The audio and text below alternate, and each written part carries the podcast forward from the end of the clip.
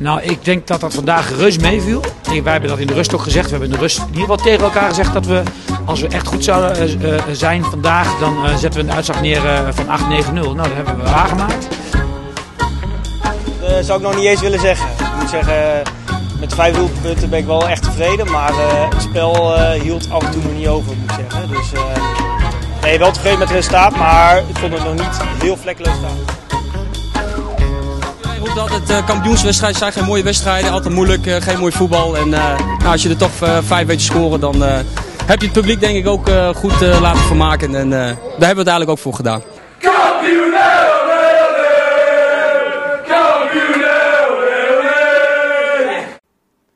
Hallo luisteraars, eh, welkom bij de vijfde aflevering alweer van de FC Zutphen podcast. Ik heb naast me zitten Yannick. Eh, vorige keer eh, was, eh, was Teun er. Jullie hebben weer stuivertje gewisseld, uh, Yannick. Fijn dat je er weer bent. Ja, iets gelijks. Ehm, ik eh, ben heel blij dat ik er weer mag zijn. Eh, ik moet zeggen, de mussen vallen eh, van het dak. We zitten in een bijzonder eh, warme bestuurskamer van eh, FC Zutphen op het Meijerink. Maar eh, we hebben er zin in. En ik denk dat we ook zeker weer een interessante en leuke gast hebben vandaag. Vertel. Het is niemand anders dan Stef de Bond. Ehm, bekend binnen de club, denk ik. Misschien niet voor iedereen, omdat hij ook al wel een tijdje weg is. Maar hij blijft toch zeker altijd wel eh, verbonden aan de club. Ehm, en eh, hij laat, zich, laat zijn gezicht ook nog wel regelmatig op het veld zien als dat dan kan. Dus ik denk het eerste ehm, voor Stef, de vraag, goh Stef de Bond. Ik zeg net, je bent redelijk bekend, misschien voor sommige mensen ook niet. Eh, wie hebben we hier zitten? Ja, weer, weer zitten, heren. Dank je wel voor, eh, voor de aankondiging en voor de uitnodiging, uiteraard. Eh weer weer zitten. Stef de Bond, 35 jaar oud inmiddels. eh, woonachtig in Utrecht. Werkzaam bij Voetbal International, inmiddels in mijn eh, elfde jaar. En ja, toch ergens ook wel op mijn manier een jongen van de club. Wat je zegt, al een tijdje weg. Is naar Nijmegen verhuisd en toen naar Utrecht. Maar op mijn eh, vijfde begonnen bij de ZVV Hercules. Daarna een jaartje Wilhelmina SSS. Daarna WHCZ. En toen ook nog FC Zutphen, totdat het eh, studentenleven mij, eh, mij trok richting eh, Nijmegen. Maar jarenlang speler geweest in, in vele jeugdelftallen, seniorenelftallen en ook jarenlang jeugdtrainer geweest. En wat je zegt, ja, trouw volgen. Ik probeer wedstrijden mee te pakken. Dat, nou, corona sowieso helemaal niet te doen, maar het kan. En een eh, trouw volgen van FC Zutphen Internet TV. Want ja, al ken ik niet alle jongens uit het eerste elftal meer, ik zie wel alle samenvattingen. Dat, blijft, dat zit in het systeem, dat gaat er niet meer uit. Mooi. Nou, goede introductie volgens mij.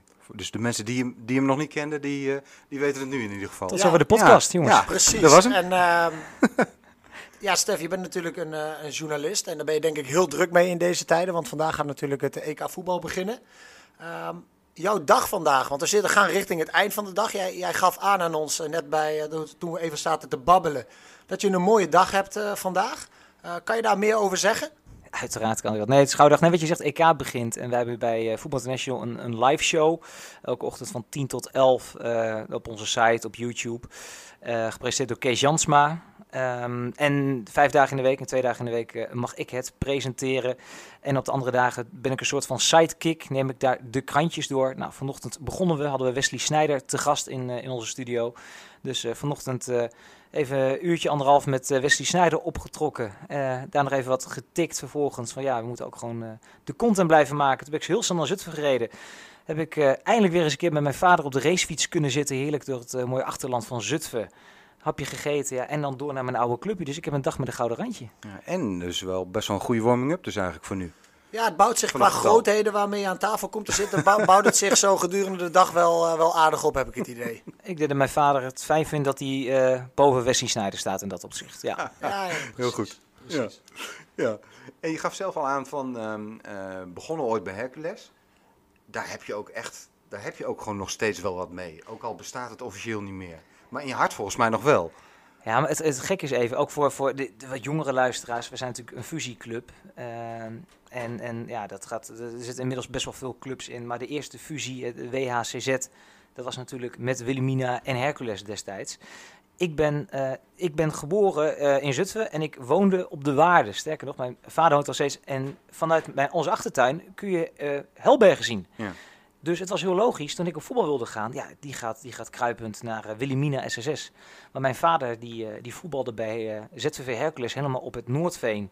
En ja, wat doe je dan? Dan ga je bij dezelfde club voetballen als jouw vader. En ik, ik was vijf, ik was te jong. En nou ja, ik bedoel, Janiek en ik zijn ongeveer leeftijdsgenoten. Janiek is net iets jonger. Ik heb veel met zijn broer Thomas gevoetbald. Daar waren al die selectieteams. Ja, wij hadden één F-team en we hadden één E-team. Dus ik zat ook altijd in de F1 en E1, ondanks mijn gebrek aan talent.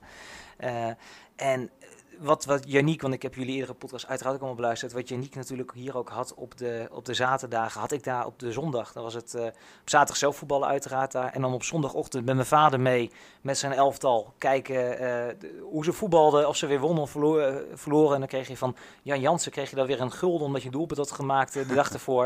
En dan bleef je smiddags hangen, dan ging je loodjes verkopen. Dan ging je het eerste elftal kijken en dan deed je het scorebord. En uh, ja, heel eerlijk, dat, dat was echt, het was mijn clubpie. En het was ook wel leuk, dat was een beetje afzetten. Wilhelmina, de grote club. Nou ja, met Bikwik hadden we en hebben we allemaal wat minder. Ja. En ik was dan het enige jongetje bij, uh, bij Hercules, ook bij mij op school. Iedereen in de klas, Wilhelmina. En dan speelden wij met onze E1 speelden tegen Wilhelmina E4. Dat waren dan de, de derbies. En wat voor club is dan uh, Hercules? Als je het een beetje moet omschrijven. Kijk, ik denk als je vraagt van de WSZ, wat voor club is dat, kunnen mensen dat misschien wel invullen.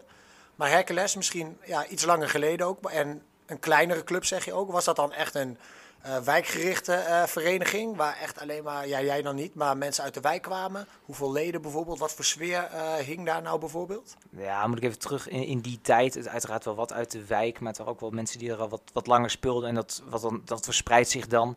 Ik kan me herinneren, uit die periode had je volgens mij vier senioren elftallen. Dat was nog een keer een dames elftal. En je had dan ja, twee, drie jeugdelftallen. Het was een heel klein clubje. Maar dat maakt het ook wel iedereen, wat was ons kind ons. En ik, ik, ik was dan uh, drie keer per jaar pupil van de week. Want zo weinig pupilspelers hadden we. Ja, ja, en, en, en dan, dan, mocht ik op de, dan mocht ik op de bank. Remco Elders uh, warm trappen. Remco Elders zeker weten. En, en uh, Toon Kampschoer. En, en noem, noem de hele groep maar op. En dat, je kende ze allemaal. Je was trots. Net zoals we later met zaterdag 1 met de bus mee gingen in de uitwedstrijden. Want dat deden we ook. Ging ik op zondag ook mee naar uitwedstrijden. En dan had ik op zaterdag gescoord. En de hele club wist dat ik dan zaterdag gescoord had. Want ja, je hebt maar twee, drie jeugdteams. Ja.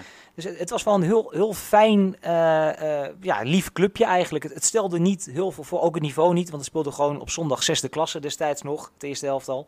Maar het, het, het had iets heel familiairs voor mijn gevoel. In de, in de paarse, paarse shirt? Ja, paars, bedoel, rood, ja. witte broek, gele kousen. En ja, dat, uh, dat uh, trots met de avondvierdaagse door de straten van Zutphen en schreeuwen ZVV Hercules. En dat milletjes hadden we ook niet, dus daar ja. moesten we het mee hebben. En uh, ja, jarenlang getraind door Fons Roording, hè? De, de vader Later van... grensrechter, hè? Dat, ja, ja jarenlang grensrechter. vader van Martijn ja. en Erwin, maar dat, dat, is jarenlang mijn, mijn trainer geweest. Was Fons Roording mijn trainer en mijn vader was dan de leider. En mijn hele F- en E-periode wist ik niet beter. Nee. Er was ook niemand anders. Het sta, staat mij inderdaad bij dat het oude Rotte toernooi, waar je dan ook volgens mij altijd met die gasten van, van Hercules aan meedoet, um, dat je toch altijd nog in een, ja, een beetje faal shirtje toch nog wel loopt van, van Hercules. En volgens mij ben je er nog wel vrij trots op, omdat je ook altijd toen het reageren echt uh, hot was op de site van WSZ, denk ik, toen Ja. de tijd. Was het altijd ene ZV Hercules die altijd wel een uh, kritische noot kon kraken. Ja, nee, dat, dat klopt ook. Nee, maar weet je, dat is, uh, iedereen heeft dat. En dat is leuk in mijn werk nu. Ik merk nu heel erg sterk wat, wat supporters hebben met een voetbalclub. En ik heb dat niet zo heel sterk met een BVO. Ik bedoel, ik kom weer uit de buurt, dus je hebt een zwak voor de Go Ahead, voor de Graafschap en dat soort zaken. Alleen, ik had dat altijd wel met mijn amateurclubje. Dat heb ik nu nog steeds met FC Zutphen. Maar ik had dat later ook nog wel na de fusie van... Uh, en dat is ook wel de discussie, en laten we daar niet veel over hebben, maar dat je de zaterdagtak en de zondagtak. Ja, ik kwam ook altijd wel op voor die zondagtak, want dat, dat was natuurlijk waar ik dan vandaan kwam officieel. Ja. En wat je zegt van dat, dat fale shirtje, ja, dat was altijd wel een soort van hoogtepuntje hoor. Dat je dat, dat veel te fale shirtje weer aan mocht trekken en dan die witte broek, gele kous. Het was geen gezicht. En daarbij komt, en dat Janiek, daar kan, ik, daar kan je over meepraten. Ik vind het nog steeds wel bijzonder om met je vader op een voetbalveld te staan. Dat heeft toch ook wel iets magisch. Dat is fantastisch, en dat klopt. En uh, het shirtje, die, dat heb je natuurlijk nu nog steeds. En uh, ja, dat is van heel wat jaartjes geleden. Dus af en toe moet je misschien de buik iets inhouden. Maar ik heb hem voor SSS heb ik hem ook nog boven hangen. Ik denk niet dat ik er nog in pas, maar uh, veel mooiere shirts dan dat, dan dat je nu ziet, denk ik. Ja, 100 procent, 100 procent. Dat, uh, het, het, het, niet, wij zijn, nu klinken we als oude mannen, dat zijn we alle drie nog niet, vind ik. Maar uh, nee. vroeger waren dingen ook mooi, hè? Vroeger was, uh, waren dingen ook prachtig en, en dat, dat zijn ze nu ook nog wel. Alleen wij kijken nu hier vanuit de bestuurskamer op het veld. Ik vind het leuk dat er een paar jongens gewoon lekker op het kunstgrasveld aan het voetballen zijn. Hij schiet wel steeds die bal op het dak, dus ze moeten wel beter leren mikken hier. Ja, eh, nee, dat, dat moeten we zo meteen nog even hebben over, over de jeugdtrainers hier. Maar ik, eh, het is wel elke keer nog steeds, want het, het is er niet meer. Althans, het ligt er nog wel, want het niet meer gebruikt. Als ik met de auto richting Eefde rij, en ik- dan kijk ik altijd even op links en, en dan zie ik Noordveen. En dat, dat, Dan zie je zonnepanelen. dan zie ik Ja, een partij zonnepanelen en volgens mij een hondenuitlaatveld, wat het eerst was. Maar dat doet toch nog iets met de mens. Dat, dat, De trein die daar voorbij raasde en de atletiekbaan daarnaast. Dan waren we te vroeg voor de training. en Dan gingen we daar stiekem rondjes lopen of verspringen. de Sintelbaan eh, van Hansensport. Ja, nou, ik ben heel erg van de oude sportcomplexen. Misschien weten jullie dat. Daar hou ik Ja. altijd wel van om die te bezoeken. Dus ik ben er ook wel geweest. En volgens mij zit er een hondenclub. Er zit een tafeltennisclub. Er liggen heel wat eh, zonnepanelen. Volgens mij is het enige wat je nog een beetje eh, doet herinneren aan de tijd van voetbal... zijn volgens mij de dugouts. Nou goed, het is wat Ja. waard. En op Helbergen zijn er, is dat volgens mij de reling van, eh, van veld 2. Maar dat is het enige wat van, Ja, van en er, er staat nog een goal die, eh, eh, Ja, van op, veld van, van twee. veld 2. Ja, die dat is het een- enige wat een beetje eh, over is gebleven. Het, het, Maar het fijnste, was een, ja, het fijnste veld van Helbergen trouwens, veld 2. Ja, vond ik ook. Het fijnste veld om te Ja, voetballen. ja. Ja. als je daar kan voetballen, dan kan je het eigenlijk overal. Maar dat was ook wel op het eerste veld van, eh, van Noordveen. Dat, eh, dat was ook echt Maar het was überhaupt, als je natuurlijk het, het, het terrein opkwam, was het ook het eerste veld waar je letterlijk tegenaan liep. Dus ja, als je eh, denk ik niet met een echt doel gericht op het complex kwam, was dat volgens mij ook gewoon, nou bleef je dan even snel hangen. Dus er stond daar ook altijd genoeg publiek daar eh, bij, eh, zo rond, de, rond het clubhuis. Ja, ja mooie tijden, als we er nu zo, zo weer over hebben. Ja, ehm, je, je gaf zelf al aan, volgens mij kwam het er straks ook even te sprake, je hebt op een gegeven moment, ben je zelf wel gestopt met voetballen? Volgens mij was een, een flinke knieblessure was daar eh, wel een van de redenen van. Ja, dat eh, klopt. Ja. Ik heb twee keer mijn kruisband afgescheurd. Dat was, eh, ik scheurde hem af en toen heb ik gerevalideerd. Toen kwam ik terug en toen in mijn allereerste wedstrijd scheurde ik hem direct weer af. Ik maakte hem nog een doelpunt. Volgens mij was het in, in, in de B2 of A2 toen. En toen was het eh, weer gebeurd. Toen heb ik eh, stiekem onder Mark Horsman nog wel een keer eh, een rentree gemaakt. Toen Ja. zaten voor mij in de A1, toen had hij te weinig spelers, heeft hij hem nog een keer in laten vallen. Compleet onverantwoord. Ja. Een nieuwe hoofdtrainer van het eerste hier. Eh, en ja, ik heb daarna nog wel wat gevoetbald, Ruud. Maar dat was echt... eh, ik, heb, ik heb alles geprobeerd. Ik heb nog een keer een wedstrijdje in het tweede mogen spelen. En ik heb een tijdje in eh, wat destijds nog het, het vijfde was. Het elftal met eh, Frank Goorhuis en zo. Ja. Ik heb nog een tijdje in het elftal van eh Ruud de Loeze meegehobbeld. En met, met het oude eerste elftal van Hercules, wat dan op zondagochtend speelde. Maar dan de knie wilde niet. En bovendien de frustratie van je eigen niveau. Dat doet ook wel heel veel pijn hoor. Dat je door hebt dat het eigenlijk niet zo goed kan. Dat Ja, en met oog op wil. En met oog op dat je ook weer geblesseerd kan raken natuurlijk, is het misschien ook niet altijd eh, waard met zo'n knie. Eh, Dat is het. Nee, het is, het is gewoon een, het is een verrotte knie. Ik ben inmiddels denk ik in totaal vijf keer geopereerd aan die knie. Ik kan weer hardlopen, ik kan weer wielrennen en ik kan soms met vrienden een, een buitenballetje trappen. Eh, ja, dat, dat, dat is het. En het oude rotte toernooi. En dan eh, altijd hopen dat je ook na de zesde wedstrijd nog, eh, nog heel uit bij de barbecue aan kan En schrijven. dan eh, twee weken kromlopen waarschijnlijk. Ja. Hey, en daarna dan ehm, ben je toch nog vrij actief gebleven bij de club. Hè? Ik, ik ken je als een eh, ja, streng maar rechtvaardige grensrechter. Ehm, ook als eh, collega eh, trainer bij de, bij de E1. Ehm, hoe heb je die rollen ervaren? Was dat ehm, ja, niet te vergelijken natuurlijk met als speler, maar heb je daar net zo van kunnen genieten? Of eh, ben je net Ja. zo, daardoor net zo actief ge- gebleven binnen de vereniging? Dat je echt het gevoel had van hey, zaterdag is wel de dag dat ja, is wel mijn voetbaldag. Ja, maar die, die zaterdagen waren fantastisch. Hè? Die, die zaterdagen waren op een gegeven moment echt alles. Dat was, eh, want ja, de, de F'jes getraind, eetjes getraind. Voor vooral die leeftijdsgroepen vond ik leuk. En dan was het gewoon 's ochtends om half acht op, op Helberg. En ik heb de naam al eerder voorbij al gekomen. Bij Alda en Ruud Ja. in, de, in de unit die melden. En eh, het, het veld, die gasten trainen en aanwezig zijn en motiveren. En Janiek weet het ook, want was inderdaad op vrijdagmiddag nog even in schatjes. Of vrijdagavond ergens in de stad. En dan toch maar weer eh, je trainingspakje aan de volgende dag en door. En wij hadden een vriendengroep, eh, die bestond uit voetbal. En ik weet, Janiek, jij hebt heel veel van die jongens nog steeds, gaan nog steeds mee om. Eh, maar het was, het was ook de hele dag was voetbal. Het was 's ochtends met die, met die kleintjes op pad. En dan bleef je nog een beetje hangen. En dan ging je smiddags zelf voetballen. Nou, je hebt het ook al gehad over in die kantine van Helbergen, wat Ja. de- de stamkroeg. Eh, volgens mijn vriendin heb ik daar nog steeds mijn slechte muzieksmaak aan overgehouden. Want dan kwamen de broertjes te loezen en Bielderman die kwamen daar weer met... Laat met- mij er buiten. nou, ik weet genoeg. Die kwamen daar weer met de Hollandse meezingers aanzetten. En voor je het weet ben je ermee besmet en luister ik nog steeds. Dat was nog voor het Spotify-tijdperk. Zeker weten. Die oude... van Jannes Ja. en Jan Smit vooral. Ah, En- heer- heer- heerlijke tijden waren dat. En wat we er vervolgens deden, dan had je daar al wat gedronken en wat gegeten. En dan was het, bij wie zitten we vanavond? Ja. En de ene dag zat je bij, eh, d- bij Maarten het Veldhuis eh, thuis. En dan gingen we bij de familie Toulouse. En dan was het bij Frank van Os. En daar ging je met z'n allen drinken. Daar ging de frituurpan aan. En dan ging je met die hele club ook weer de stad in. En om dan terug te komen op jouw eh, opmerking. Ik scheurde mijn kruisband af. En je bent 16 jaar oud. En dat is jouw vriendengroep. Daar train je twee, drie keer in de week mee. Daar heb je hele zaterdagen mee. Ehm, en je, je valt een beetje weg. Je bent bang dat je niet bij hoort. En toen weet ik nog, Robert van Os was trainer. En we hadden op dat moment geen grensrechter en een oefenwedstrijdje. En ik zeg tegen Robert van, nou, ik kan wel weer lopen en ik vind dat wel leuk. Zei hij, nou, dan doe je dat. Dan vlaggen. Probeer het. Ja. En toen heb ik dat één wedstrijd gedaan, ging goed. En toen werden de, eh, dat was wel een dingetje toen, werden de trainingspakken uitgedeeld. Toen hadden we van die mooie trainingspakken en van die vliesvesten en polo's. Dat begon toen een beetje, waren we ontzettend trots op dat we die hadden. En toen eh van mij John en Nina mode nog. En volgens mij was het toen eh, Robert Vossi naar me toe kwam en heeft gezegd, nou weet je, als jij het leuk vindt, je kan toch nog niet voetbal voorlopig. Hier, neem het maar. Ja, en toen, eh wat ik eerst een beetje lullig vond, een beetje grensrechter. Ja, toen werd ik bloedfanatiek natuurlijk. En, en we- derde divisie. En dat was het jaar waarin we promoveerden naar de tweede divisie. Ja, en toen kon ik twee dingen, eigenlijk drie dingen combineren. Ik was met mijn vrienden. eh, ik kon nog een beetje bewegen. En ik kon stukjes schrijven, want dat vond ik ook heel leuk. En, en ja, ik heb, zei het in het voorgesprek ook al, ik heb eigenlijk mijn baan grotendeels te danken. Eigenlijk wel aan FC Zutphen. Dat dat moet je even toelichten. Nou ja, Ruud, jij, jij weet dat natuurlijk heel goed. Eh, eigenlijk een beetje begonnen bij mijn vader toen ik zelf voetbalde. eh, schreef hij altijd wedstrijdverslagen.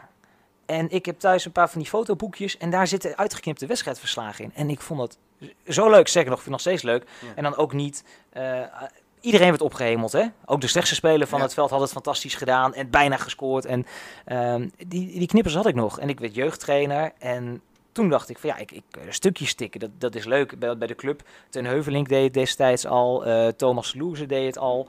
Eh, ook met een iets leukere inslag, niet gewoon heel strikt van zesde minuut paas van die doelpunt van die, maar kleine kwinkslag, beetje, beetje humor Beetje erin. humor, Ja. Ja, dat bleef, bleef ik voor die, voor die F1 van mij doen, voor die E1 doen. Nou, dat ook jaren we nog kampioen werden ook, dus dat was hartstikke leuk. En ik ging dat ook bij, dat, bij, bij de B1 en A1 eh, van Zutphen doen. Nou, dat ging door naar de site eh, naar jullie Ja. toe. Daarvoor nog bij het, eh, bij het clubblad. En het was op een dag was het Gijs Wassenveld die naar mij toe kwam en zei: Stef, eh, vind je dat leuk dat schrijven? Ik zei: Ja, zeker leuk. Ja, die werkte dus bij de Stentor, bij de sportredactie. En die zei: van, Ja, ze zoeken daar nog mensen. En ik, weet je, toen, ik zat toen nog op het, op het VWO, op het Isenon College. En ik dacht, ja, ik kan nu verder gaan bij de Albert Heijn met vakken vullen. Maar ik kan ook gewoon eh, wedstrijdjes bezoeken en daarover schrijven. En toen stond ik daar als jochie van 16, 17, stond ik daar met, met trainers van 45, eh, 50 jaar. En die ging dan de les lezen als ze met tweeën hadden verloren. En ik vond het fantastisch. Ja. Het eerste stukje was, was een paar honderd tekens en het is helemaal gecorrigeerd, allemaal fouten erin. En ja, je bent enthousiast en dan ga je naar paardrijden, naar turnen, naar waterpolo, eh, de hele regio door. Ja, dat was te gek. En het was ontzettend goed verdienen. Want je verdiende echt een, eh, een smak geld ermee met iets wat je leuk vond. Ja. Ja, en, en van daaruit ben ik uiteindelijk via, ik ben, heel, ik ben sociologie gestudeerd, ben ik bij de Gelderlander terechtgekomen.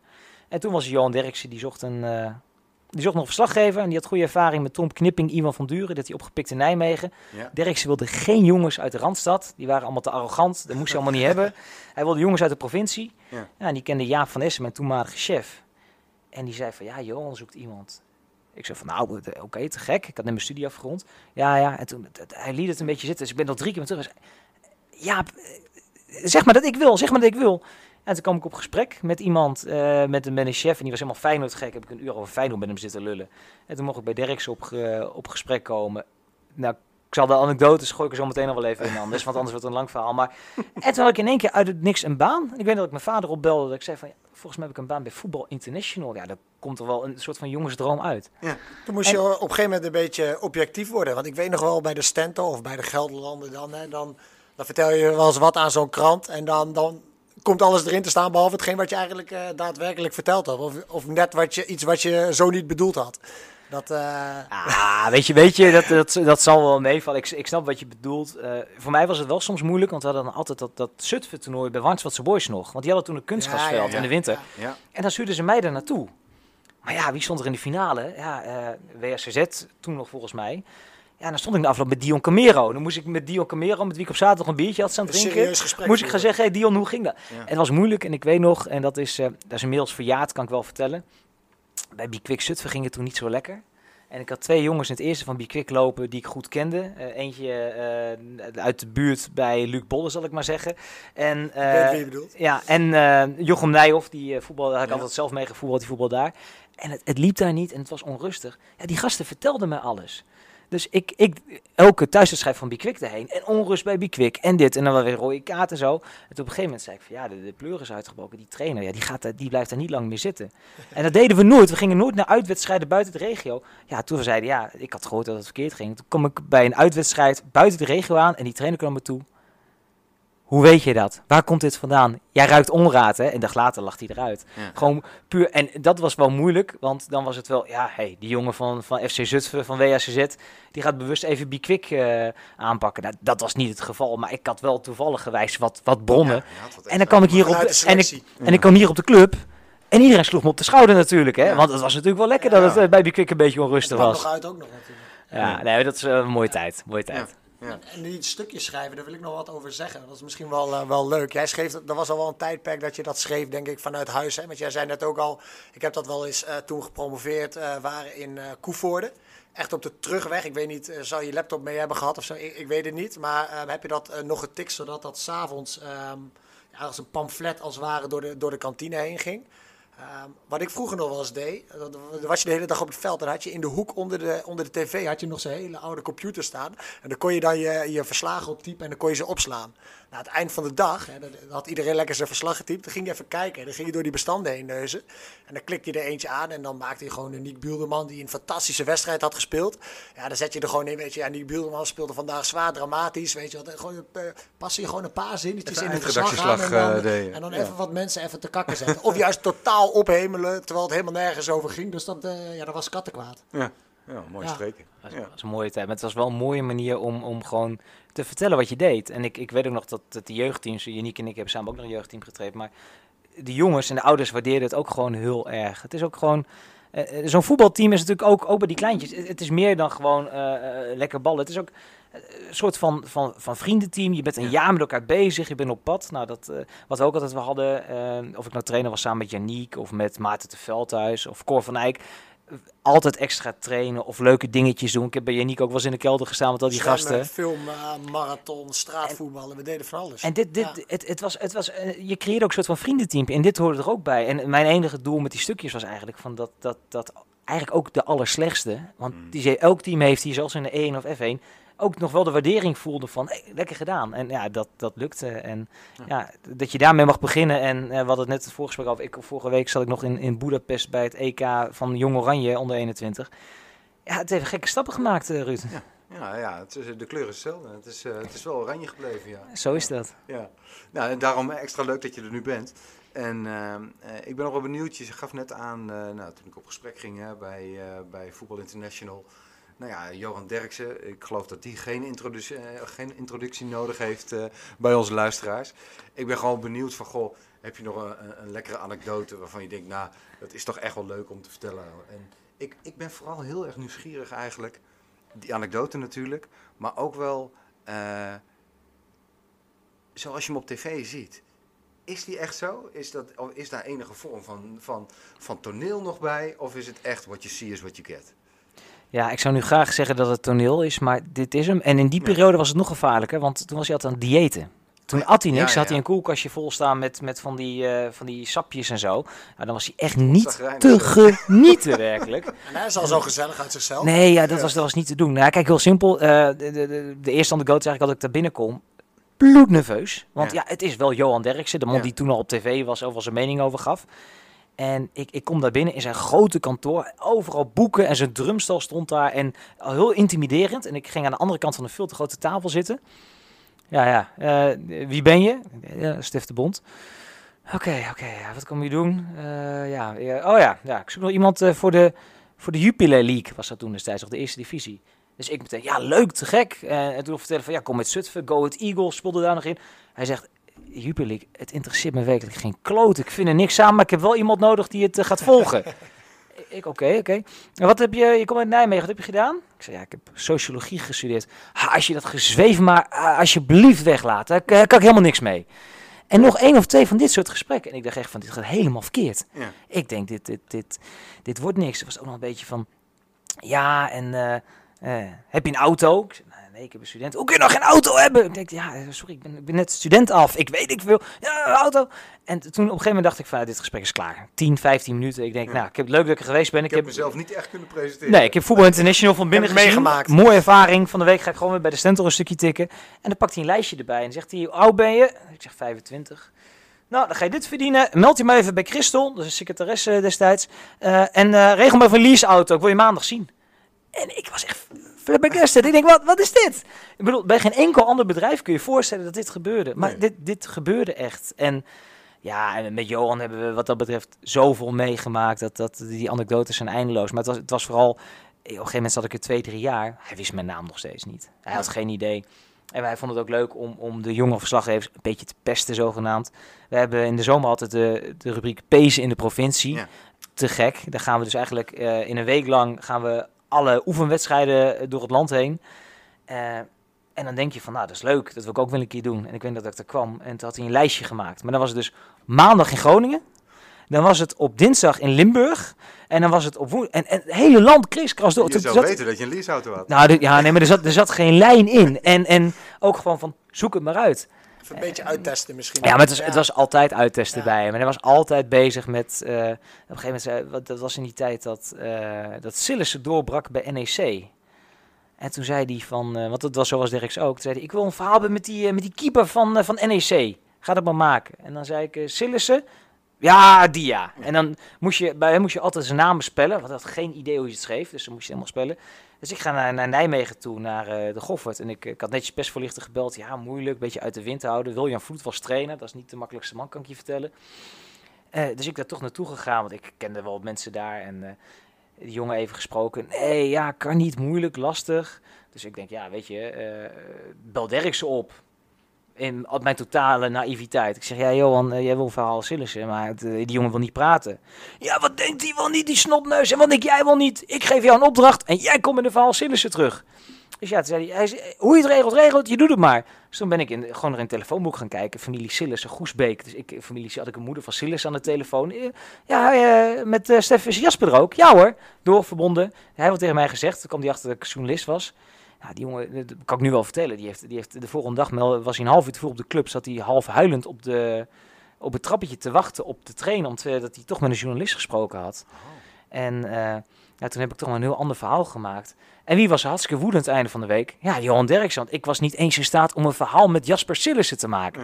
Nou, en zo zijn de verhalen eindeloos. Want eh, hij gaf je een opdracht, dan moest je het ook gewoon doen. Gewoon opdracht uitvoeren en dan gaf hij ook alle vrijheid. Want veel mensen die luisteren zullen ook gewoon een, een kantoorbaan hebben. En dat is hartstikke leuk, echt werkelijk niks mis mee. Alleen, ik heb al tien jaar geen kantoorbaan.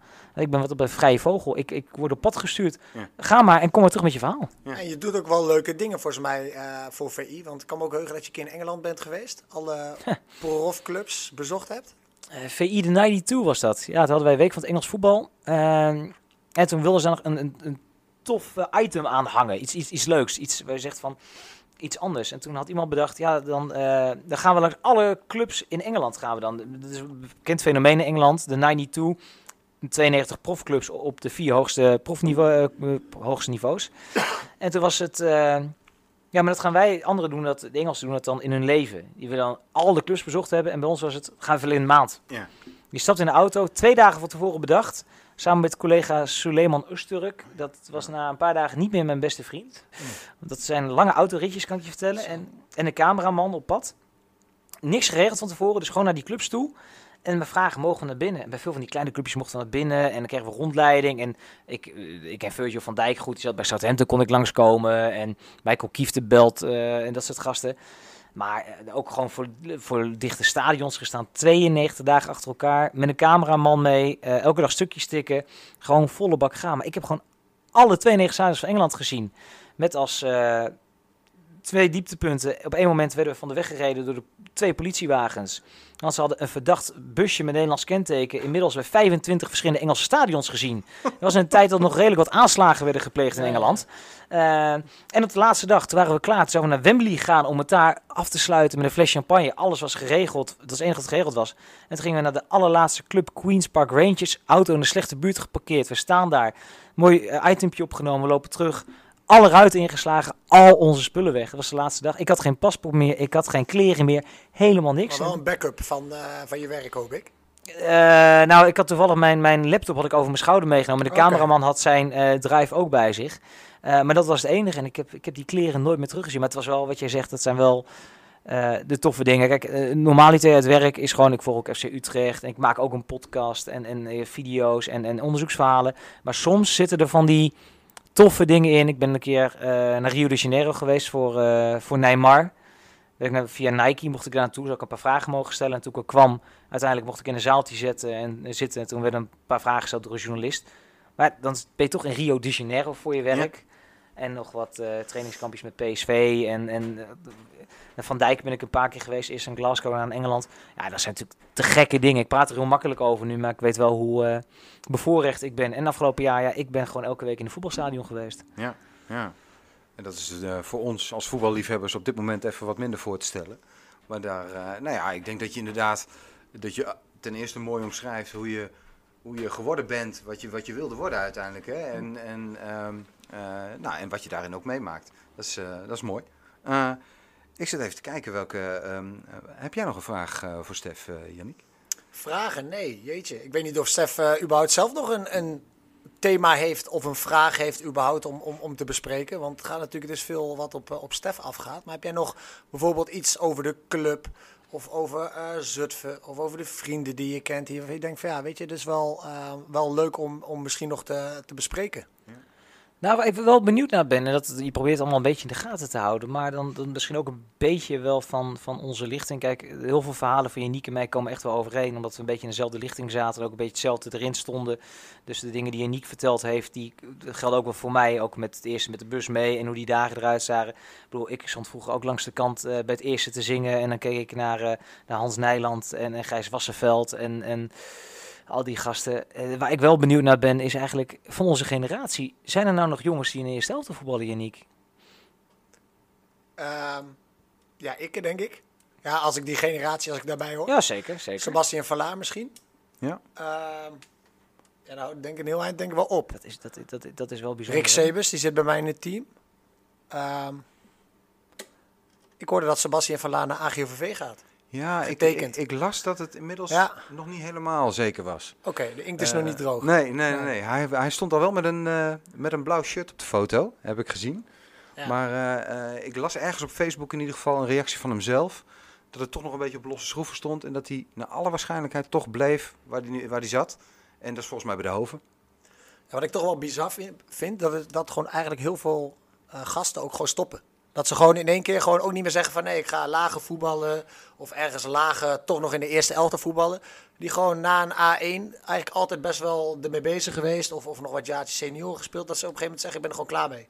Ja. Kan altijd redenen hebben, maar ja, ik denk nog altijd, jij bent toch altijd nog wel liefhebber van het spelletje. Je vindt nog steeds, ik ben 33, vind nog steeds leuk om op veld te staan. Nee, maar dat, dat, de, de liefde die je hoorde toen jullie hier met, met Ruud en eh, Ab zaten natuurlijk. Gewoon de liefde voor dat spelletje. Wat gewoon, ondanks dat ze zelf ook zeggen, het, het wordt allemaal minder. Het gaat misschien wat minder snel. Maar het spelletje blijft zo ontzettend leuk. Dat, dat Ja. zit erin. Maar dat heb ik zelf als ik bij mij om de hoek met een paar vrienden een potje ga tienen. Het fanatisme blijft er nog steeds in zitten. Het, dat, eh, de- ik zag dat jij gisteravond bij je clubje volgens mij een afscheidsavondje had. Ja, een beetje zie- voetfolie en zo, is hartstikke dat, mooi. dat, dat, dat is de liefde. Alleen, het is wel jammer. Ik, ik ben, vorig jaar was dat die, die uitwedstrijd tegen de Eefde ben ik nog geweest. Dat was in de tijd dat, dat Joost van Vliet en Jocko Ja. Koster nog net wel bij het elftal Een zaten. beruchte wedstrijd heb ik me laten vertellen in de Ja, vorige podcast. Het is een podcast, beetje ja. eh, een... eh, Er zat een Ja. verhaal aan hè, met de opstelling en zo. Ja. Dat, eh, Ja. Maar, dat zijn wel dat, dat zijn jongens van mijn generatie. En je- Dus Sebastian Verlaan noemen we nu. Ja, compleet onderschatte voetballer was dat. Wij kennen hem ook vanwege de vuurpijlen. Want dan kon die ballen ook de lucht in jassen. Daar ben je bang van. Ja. Maar zo ontzettende goede voetballer en zo ontzettende strijder. En wat Janiek wel zegt, het is wel jammer dat sommige van die gasten... Ik ben benieuwd of dat een verandering van tijd is. Of we de, onze generatie dan, in tegenstelling tot, tot de, de Ab en Rudy Toulouse...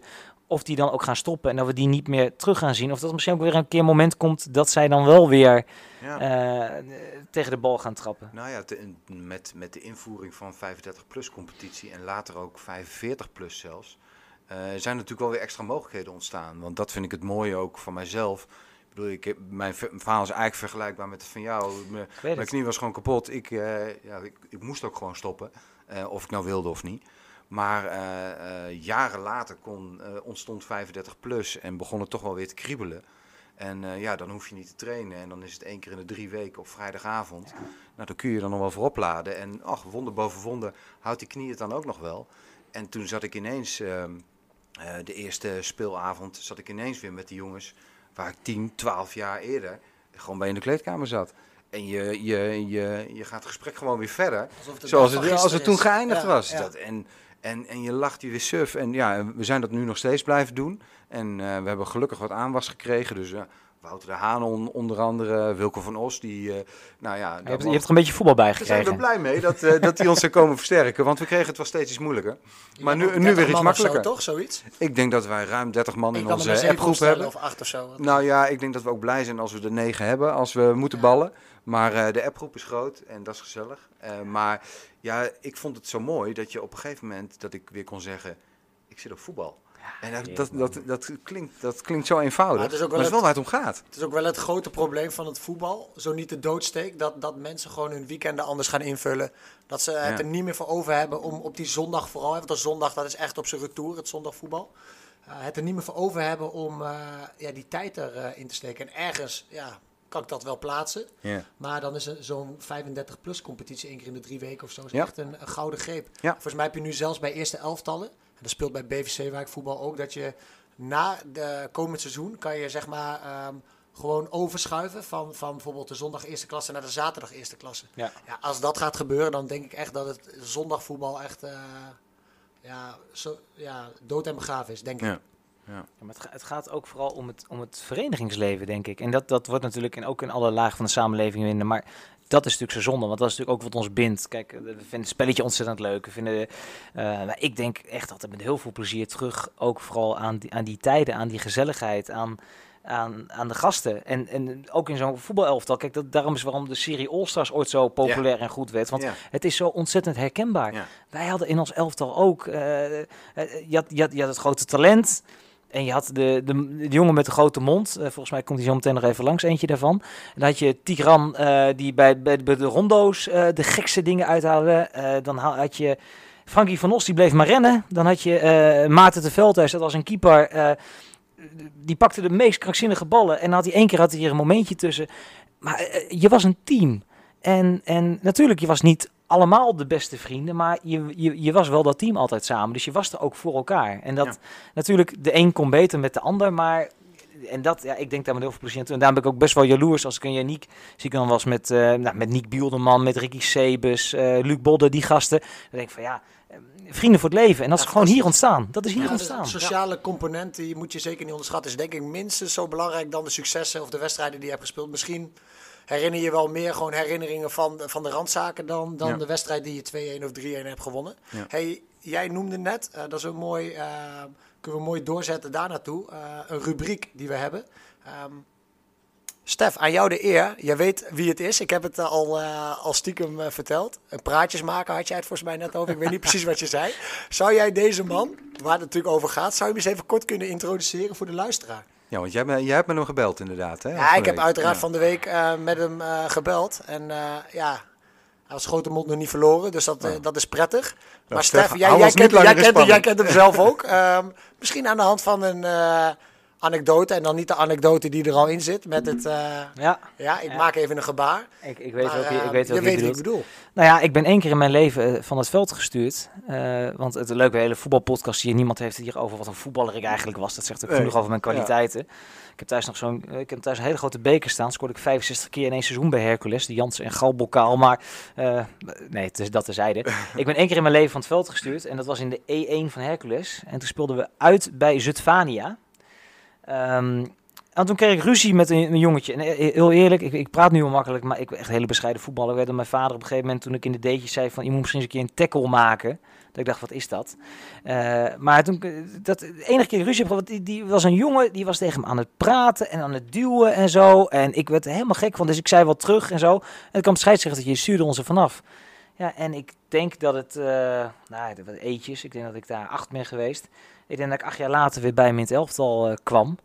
Eh, de man, eh, ja, ik, ik, ik, zou niet, ik zou het niet de beste voetballer noemen met wie ik gespeeld heb. Het is wel iemand die belachelijk makkelijk doelpunten maakte, gek genoeg.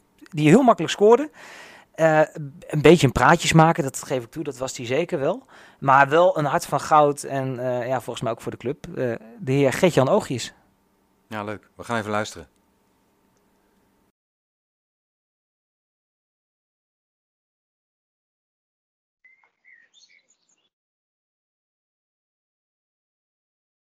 Gertjan Oogjes, een uh, hele uh, goede avond. Wat leuk dat jij mee wil werken aan uh, de rubriek Even bellen met van de podcast van, van FC Zutphen.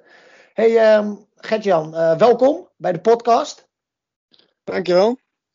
Leuk, leuk om elkaar weer eens zo via deze weg te spreken. En ehm, ja, in deze rubriek gaan we eens even kijken van, goh Gertjan Oogjes, jouw rol uh, ten opzichte van de club FC Zutphen, maar misschien ook in het verleden WSZ. En uh, ja, daarin gaan we wat leuke thema's uh, naar voren halen. Gaan we eens even kijken ja, of jij wat interessante dingen te melden hebt. En dat denk ik wel, want ehm, ja, we nodigen jou natuurlijk niet voor niks uit. Hey, allereerst, um, vandaag, ik zat even te kijken op de site. Um, we gaan dan over het heden. Ik zag wat hot nieuws langskomen. Gert-Jan Oogjes neemt na een x aantal jaar afscheid van de voetbalschool. Wat ga jij nu met je tijd doen als voetbaldier? Nou, studeren. Ik uh, doe een HBO-studie en uh, daar, ben ik, uh, daar ben ik druk mee. En ja, werken natuurlijk gewoon 1 juli begin ik bij GG-net.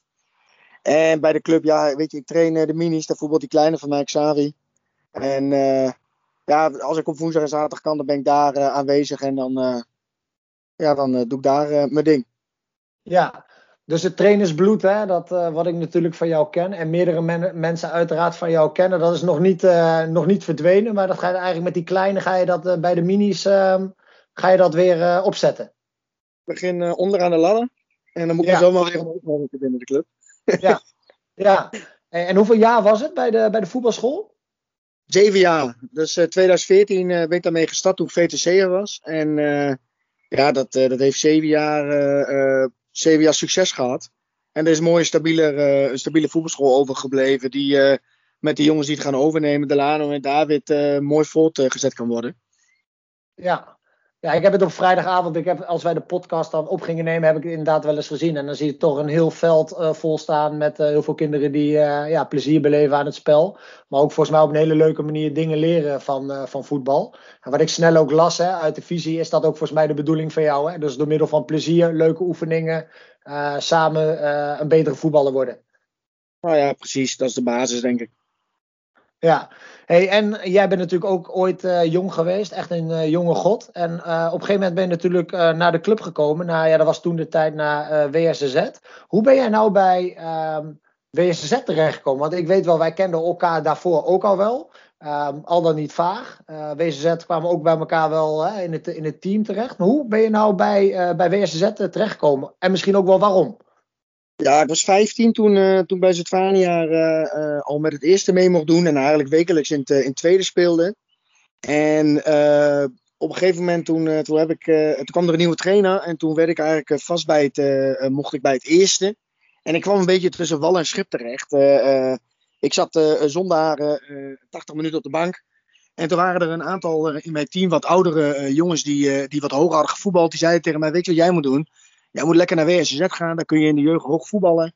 En jij moet zeker niet in de vierde klas op de bank gaan zitten. Nou, en zo gezegd, zo gedaan. Ik moet zeggen, de vierde klasse destijds was een wat hoger niveau dan waar je het nu over hebt. Toen was de gemiddelde leeftijd gewoon 30 jaar en had je gewoon goede selecties. En uh, ja, weet je, als je het nu kijkt, dan, uh, uh, ja, dan is dat gewoon heel anders. Maar dat was voor mij een reden om, om het hoger op te proberen. Toen ben ik mee gaan trainen via Stanley Werenusa. En ja, zo eigenlijk bij de club binnengekomen. En dit jaar daarna gelijk een team gaan trainen. En ja, blijven voetballen. mooi ge gepromoveerd naar de tweede divisie met de A. Eerst het eerste jaar er net in blijven en het tweede jaar promoveren. Dus dat waren wel mooie tijden. En, en ja, niveau, denk ik, wat we niet meer terug gaan krijgen. Nee, ik denk dat dat sowieso. Het staat ook uh, bij de historie, zag ik net ook op de, op de website van FC Zutphen. 2006, meen ik even uit mijn hoofd. Dat dat wel een uh, memorabel moment was om te promoveren naar de tweede divisie. Ook als je die foto ziet, hè, staan we eigenlijk zij en zij staan we daar. Hey, hoe was ja. die stap voor jou van, van ehm, ja, de vierde klasse met 30-jarigen naar ehm, ja, leeftijdsgenoten ehm, van WSTZ. Was, was dat aanpoten of dacht je van nee, ik, ik pas daar meteen tussen? Ja, weet je, ik eh, kan mezelf uh, redelijk snel aanpassen. En ik moet zeggen dat dat met, toen wel goed afging. En vooral fysiek natuurlijk, want je was al wat gewend. Alleen na, ik denk zes weken raak ik geblesseerd. En toen heb ik een beetje achter de, achter de feiten aangelopen. En ja, weet je, de, het is daarna nooit eigenlijk meer het niveau geworden wat het, wat het voor mijn blessure was. weet je, waar hebben we het over? Je was 16, 17 jaar. Maar uiteindelijk ben ik altijd belangrijk geweest voor de teams waar ik gespeeld heb wat het niveau ook was. Of het nou heel laag was of heel hoog. Ik heb altijd doelpunten gemaakt. Belangrijk geweest. En ja, op beslissende momenten stond ik daar. En de trainer kon altijd van me op aan. Dus dat was een van mijn krachten. Ja, ja we hebben natuurlijk ehm, toen de tijd, toen ging ik zelf vanuit de B naar de A. Toen kwamen we ook in die na-competitie uiteindelijk terecht. Hè, vanuit, vanuit een derde divisie volgens mij. was best wel een lang traject. Wat we toen moesten spelen in, in Reizen, zo'n toernooitje. En uiteindelijk kwamen we in uh, Koevoorde terecht. En daar is ook die foto genomen met dat spandoek, wat op de website staat. Dus mensen, als je dit hoort en je denkt, waar heeft hij het over? Um, kijk bij de historie op de website. Fantastisch uh, ingedeeld door, uh, door Ruud Evers. Um, hey, wat, welke spelers uit dat team poppen jou nou omhoog? Dat je dacht van, hé, dat was misschien echt wel leuk om daarmee te voetballen. Ja, eigenlijk wel het hele team. Je hebt het over uh, Thomas de Loeze, Nick Bilderman, Anne Spoelstra, Las Rosel die keepte, Maarten de Veldhuis keepte, Tico, Gregory Bijna, Sebastian van La, Bas ten Duits. weet je, allemaal gasten die heel lang bij de club zijn. Of Savi, ook geen ja. onbekende naam denk ik inderdaad voor de mensen. Ja. Van ons. Uh, weet je, niet te vergeten, Stef de Bond natuurlijk. Die, uh, dat jaar dat ik uh, bij WSZ kwam, raakte hij geblesseerd. Eigenlijk wel, wel heel erg aan zijn knie. En uiteindelijk is hij onze grensrechter geworden en is hij voor ons stukjes gaan schrijven. Ik moet zeggen dat hij dat toen al wel aardig deed. Ik heb er een boekje van laten maken van het jaar dat wij promoveerden. Heb ik al zijn verslagen gebundeld. En dat is, dat is een mooi boekje om te lezen. Ja, dus ehm, dat is natuurlijk de hoofdgast van, van deze podcast. En um, inderdaad, die is van, um, ja, volgens mij aan zijn knie had hij het op een gegeven moment. En uh, grensrechter geworden. Streng, maar rechtvaardig volgens mij. Dus hij heeft ook af en toe nog wel eens uh, wat uh, punten meegesprokkeld. Maar die schreef toen inderdaad ook al vrij goede stukjes. Hè? Dus het is niet raar dat hij nou daar zijn brood mee verdient, zeg maar, denk ik. Nee, nee, het was fantastisch. Weet je, het was gewoon wachten het was natuurlijk altijd uh, zaterdag direct naar de kantine, volle bak met de benen naar buiten tot half acht in de kantine, daarna de stad ja. in. Maar dan was het zondag wachten tot dat stukje online kwam. Want uh, uh, ja, dat weet je, daar hoopt hij natuurlijk wel gewoon in te staan. Ja, ja. Hey, en um, we hebben toen ook die promotie, de wedstrijd gespeeld in, in Koevoorde. Waar ook dus de foto op de website van is. Dat we daar staan te hossen omdat we 3-0 hadden gewo gewonnen. Um, toen zat jij volgens mij al te klooien met een blessure, zeg ik dat goed? Omdat je, ja, uh, je, je, speelde toen ook niet? Of? Nee, toen zat ik met mijn, uh, met mijn enkel. Ik had een paar weken ervoor klapte ik in een na-competitie door mijn enkel heen. En toen moest ik eigenlijk elke keer voor de wedstrijden moest ik, moest ik getaped worden. Dus ook die wedstrijd begon ik op de bank. En ik moet zeggen dat ik dat seizoen wel vaker op de bank heb gezeten. Maar uiteindelijk wel qua minuten ook de meeste doelpunten gemaakt. Ik maakte geloof ik dat seizoen iets van 13, 13 doelpunten. En volgens mij dat wel aardig belangrijk doelpunten. Ja, was je dan centraal, uh, was, je gewoon, was gewoon een aanspeelpunt hè, toen de tijd. Hè? Komt erin, draaien, ja. schieten. Ja, kopsterk. En, uh, uh, maar eigenlijk werd ik overal wel, wel gebruikt. Op het moment dat we verdediger nodig hadden, kon ik daar spelen. Ik, natuurlijk linksbenig. En de hele linkerflank kon ik eigenlijk wel spelen. Ik was wat, wat afgetrainder dan nu natuurlijk. ja, precies. Maar ja, ik weet nog wel dat wij af en toe dachten van, want jij, jij hebt natuurlijk al wel wat seniorenervaring. En, en jij, was altijd al wel van de winnaarsmentaliteit. En dan moest je natuurlijk misschien ook wel echt wel, echt wel van, je, van je kracht en opportune moest je het hebben. Dat we af en toe dachten, was dat voor gek joh. Die, die trap je helemaal voorop bij wijze van spreken op trainen. Want zo fanatiek was je ook. Ja, ja, weet je, als jij, kijk, als jij het hoogste wil spelen. En uh, we hadden natuurlijk ook gastjes erbij zitten, die hadden bij een profclub gespeeld of die trainden daar mee. Ja, weet je, als jij uh, de hoogste wil halen, ja, dan moet je ook alles ervoor geven. En dan moet je er ook voor gaan. Dus dan, uh, ja, weet je, dan eh, moet je maar zorgen dat je mij eens voorbij komt. Of dat, eh, eh, dat zorgt dat ik niet scoor. En dat kan ook op de training zijn. En weet je, dat haalde Robert van Os natuurlijk ook in je naar boven.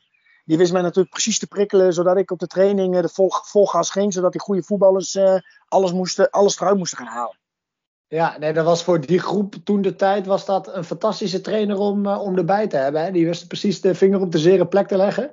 Zelfs bij de lastige jongens. En ehm, ja, zo had je eigenlijk een compleet team toen de tijd. Ja, ja, 100 procent. En, een- en, een, en, een, en een vriendengroep, want dat ging eh, voor, voor elkaar door het vuur heen volgens mij. Dus dat was altijd wel, eh, was altijd wel top.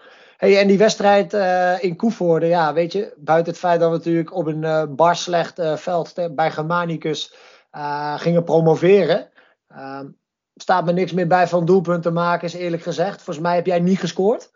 Eh, jawel, zeker wel. Ik maakte de, de, de 2-0 of de 3-0. Volgens mij de, de 2-0. Ja, Eh, we stonden 1-0 voor en eh, die bal was na 30 seconden al. Toen Frank van Os die gaf die bal voor en Nazir tikte naar binnen of andersom. ja. En ik maakte de. Nee, volgens mij maar ik maakte de 3-0. De, de, Ja. de, de, de 3-0, zeg maar. Eh, ja, kort nadat, ik, eh, dat, na, kort nadat ik erin kwam. Ja, en als ik, als ik nu nogal, want ik spreek natuurlijk regelmatig nogal mensen uit dat team. En als het dan daar af en toe nog wel eens over gaat, dan hebben ze het eigenlijk niet over de goals. Maar dan hebben ze het eigenlijk over de, ja, over de wijze van hoe kwam Gertjan Oogjes op dat veld terecht als wissel. Kan je daar meer over zeggen? Want daar gaan allerlei wilde indianenverhalen over. Maar eh, Ja, ik denk dat de luisteraar dat wel, dat wel interessant vindt misschien. Ja, nee, ja, weet je wat het was? Eh, ik ging, eh, ik ging eh, Robert die zegt van ja, ga je warm lopen? Dus ik ga warm lopen. En eh, uiteindelijk riep hij mij. En hij had mij van tevoren al, tot voor dat warmlopen, zei hij al van je komt er zo meteen in voor Anne. Maar weet je, Robert en ik waren gewoon goed op elkaar ingespeeld. En dus ik, ja, hij roept mij, dus ik ga mijn shirt aandoen.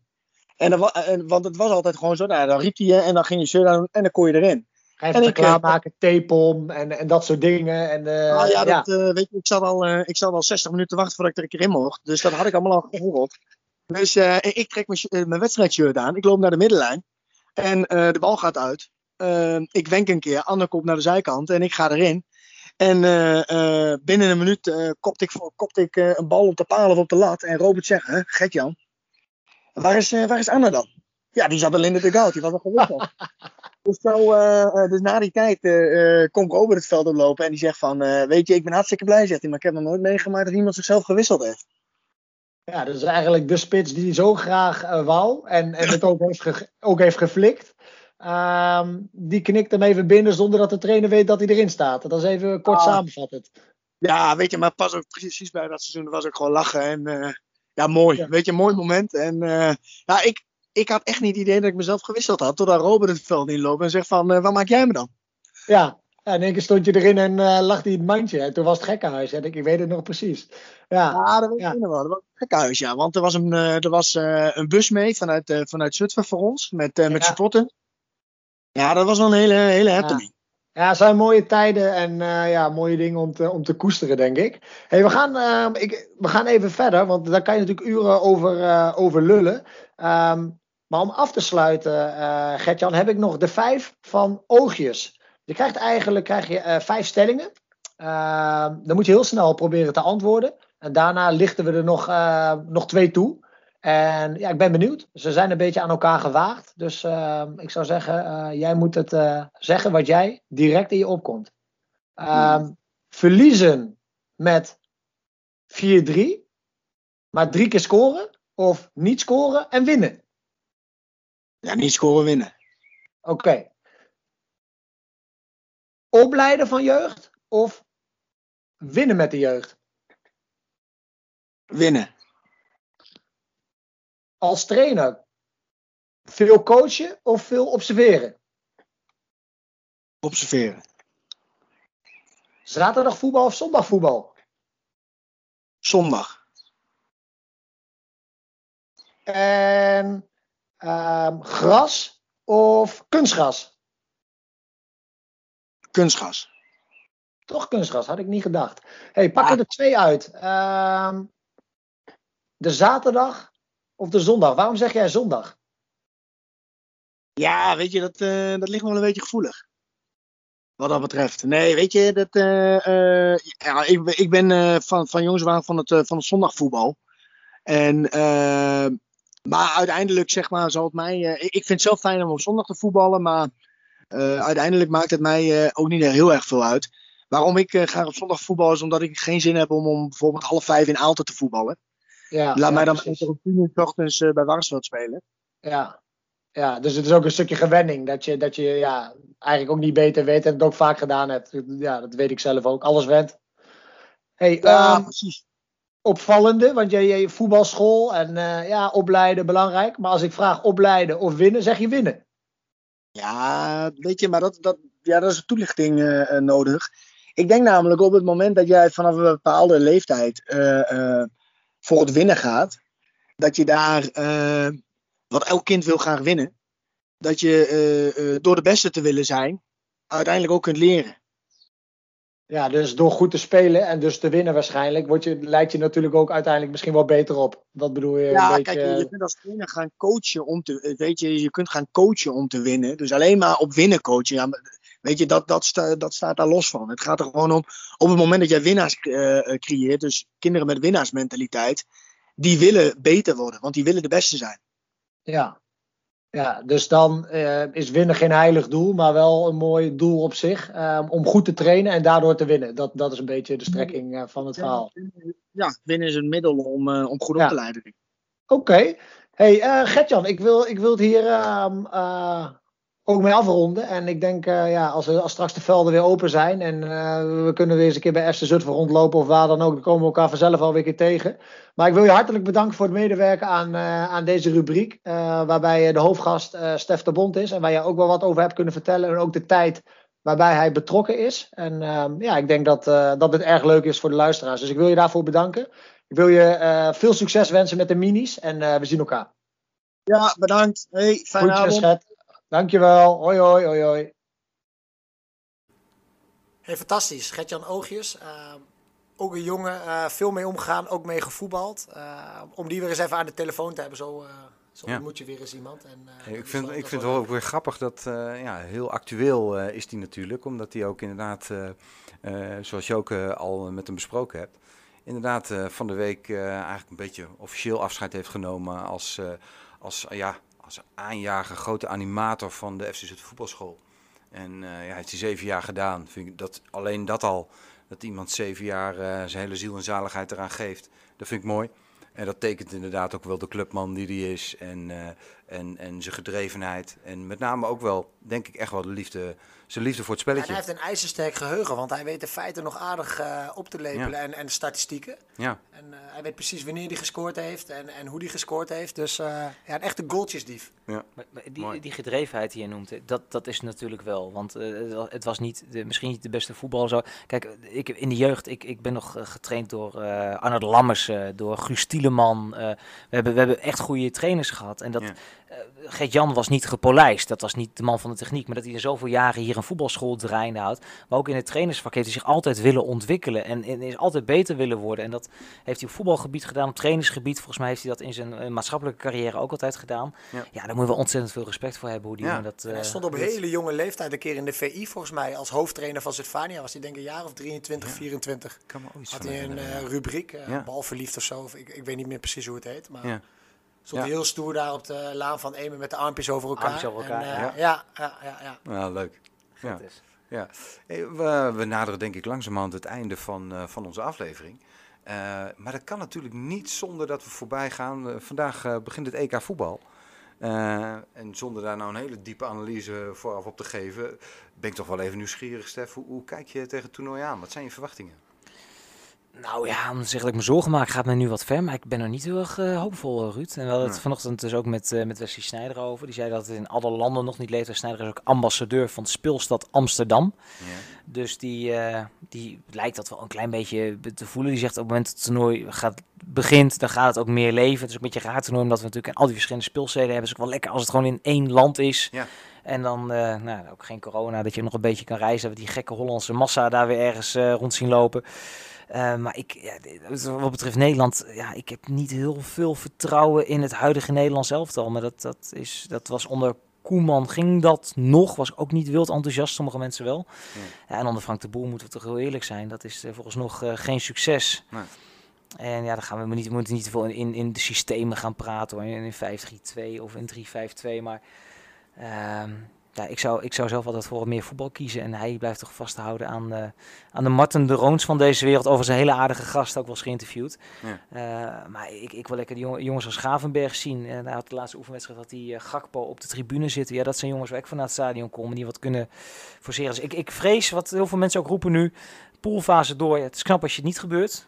Als dat gebeurt, dan is het ook klaar met Frank de Boer meteen. Ja, dan moet je heel erg mazzel hebben. Eerst in de pool en dan een moeilijk systeem met wie je dan krijgt het andere pools. Met een beetje mazzel is dat gunstig.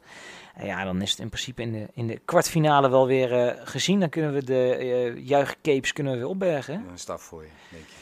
Nou ja, voor, voor, voor, voor Nederland wel. Ja. Wij gaan 31 dagen een live show maken. Dus uh, ik hoop dat Nederland er zo lang mogelijk in blijft. Ja, dan ben je op tijd op vakantie, denk ik.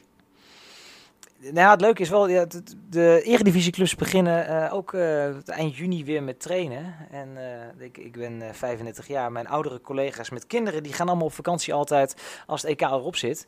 Dus mijn drukste periode volgt eigenlijk daarna. Dat betekent dus dan... Ga je weer pezen in de provincie? Dan gaan pezen in de provincie, gaan we alle clubjes volgen. Ik hoorde vandaag dat de stadions weer vol mogen bij de start van de competitie. Ja. Dus ja, daar gaan we weer een beetje naartoe leven. Dan, uh, uh, ja, jongens, afgelopen jaar was het toch in alle opzichten gewoon heel vervelend. Nou ja, amateur, amateurvoetbal gaat hier. Ik bedoel, uh, het vaak over gehad met de eerste elftal. heeft echt wat tikjes gehad. We hadden natuurlijk zeker een klasse hoger moeten spelen. En hetzelfde geldt natuurlijk voor betaald voetbal. Ja. ik had het wel moeten zien als de graafschap in een kolkende, kolkend stadion had gezeten in die beslissende wedstrijden laten we alsjeblieft hopen dat dat voorbij is. En we lekker met z'n allen weer naar binnen mogen. Ja, ja ik denk dat we daar uh, nou ja, bij de club hier net zo goed naar uitkijken inderdaad. En uh, ik denk dat onder 13 toernooi daar een mooi voorbeeld van is. Zoals het er nu naar uitziet uh, gaat dat toernooi door. Hè, in, in twee dagen.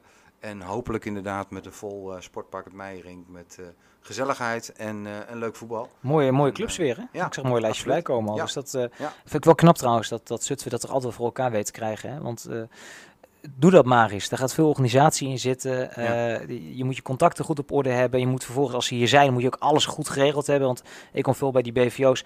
Als het niet goed geregeld is, komen ze nooit meer terug. Dan nee. komen ze één keer en dan zeggen ze... We hadden het vroeger zelf al, als we naar toernooien in Landgraaf of in België gingen... Als het niet goed was, dan kwamen wij als amateurclubje al niet meer terug. Ja, die BVO's liggen de lat zo hoog. Er ja. moet zoveel geregeld worden. Wij een tent, hè, Stef? Wij waren heel blij met de tent. Toch ja. even één anekdote nog erin, uh, Janiek. Was jij erbij toen wij in Landgraaf speelden met een uh, Getty Wiggers als trainer, of niet? Nee, daar was ik niet bij. Ik dacht, je gaat over Naaldwijk beginnen. Maar ik weet niet of dat nou iets uh, is om hier te bespreken. Nee, nee, dat, nee, nee. nee. Vincent, Vincent Palmieri laten we buiten nee, deze podcast. Doe maar niet. Doe nee, niet. nee, die anekdote wil ik wel uithalen. Dat was, wat, we, hebben het over, we hebben het over toernooien, we hebben het over, over groepsgevoel. Wij gingen naar... wij gingen naar het toernooi en dan gingen we met de B1 en de B2 naartoe. Ik, ik was jarenlang was ik een speler voor de D2, C2. En ik was eindelijk, ik was een beetje gegroeid. Ik was wat fitter, ik, was wat, wat, ik had een goede trap, maar dat was het wel. Ik zat erbij en we hadden Getty Wiggers als trainer. Niet mijn vriend, dat is ook wel algemeen bekend. Die zei, die zei begin van het seizoen tegen de jongens... Jongens, heel eerlijk, als ik, uh, als ik wissel, als er iets is, mag je me gewoon vertellen... mag je na de wedstrijd bij me komen. Dus na elke wedstrijd, ik werd standaard in de rust gewisseld. Ja. Dus na de wedstrijd stond ik altijd bij hem. Ja. Wat is er? Ik ging eruit, Boyelskamp ging erin. was een standaard wissel was dat op dat moment. Dus ik zat altijd geïrriteerd in de bus. Maar we gingen naar het toernooi toe, einde van het seizoen. Waardeloos seizoen gedraaid met z'n allen. En voor ons was het gewoon weekendje weg. Wij gingen gewoon, je bent, je bent 16, 17 jaar. En het was meer voor jongens, nemen we bier mee. Uh, wat doen we verder nog in de, uh, in de flessen? En de B2 ging ook mee. En wij speelden een... Strijd Hagencup.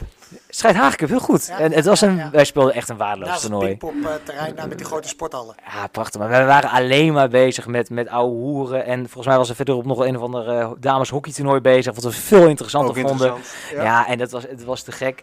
En wij kregen het voor elkaar. We zaten met, met volgens mij acht teams daar. En volgens mij speelden wij toen op de laatste dag de wedstrijd uh, voor plek 7 tussen WACZ B1 tegen WACZ B2.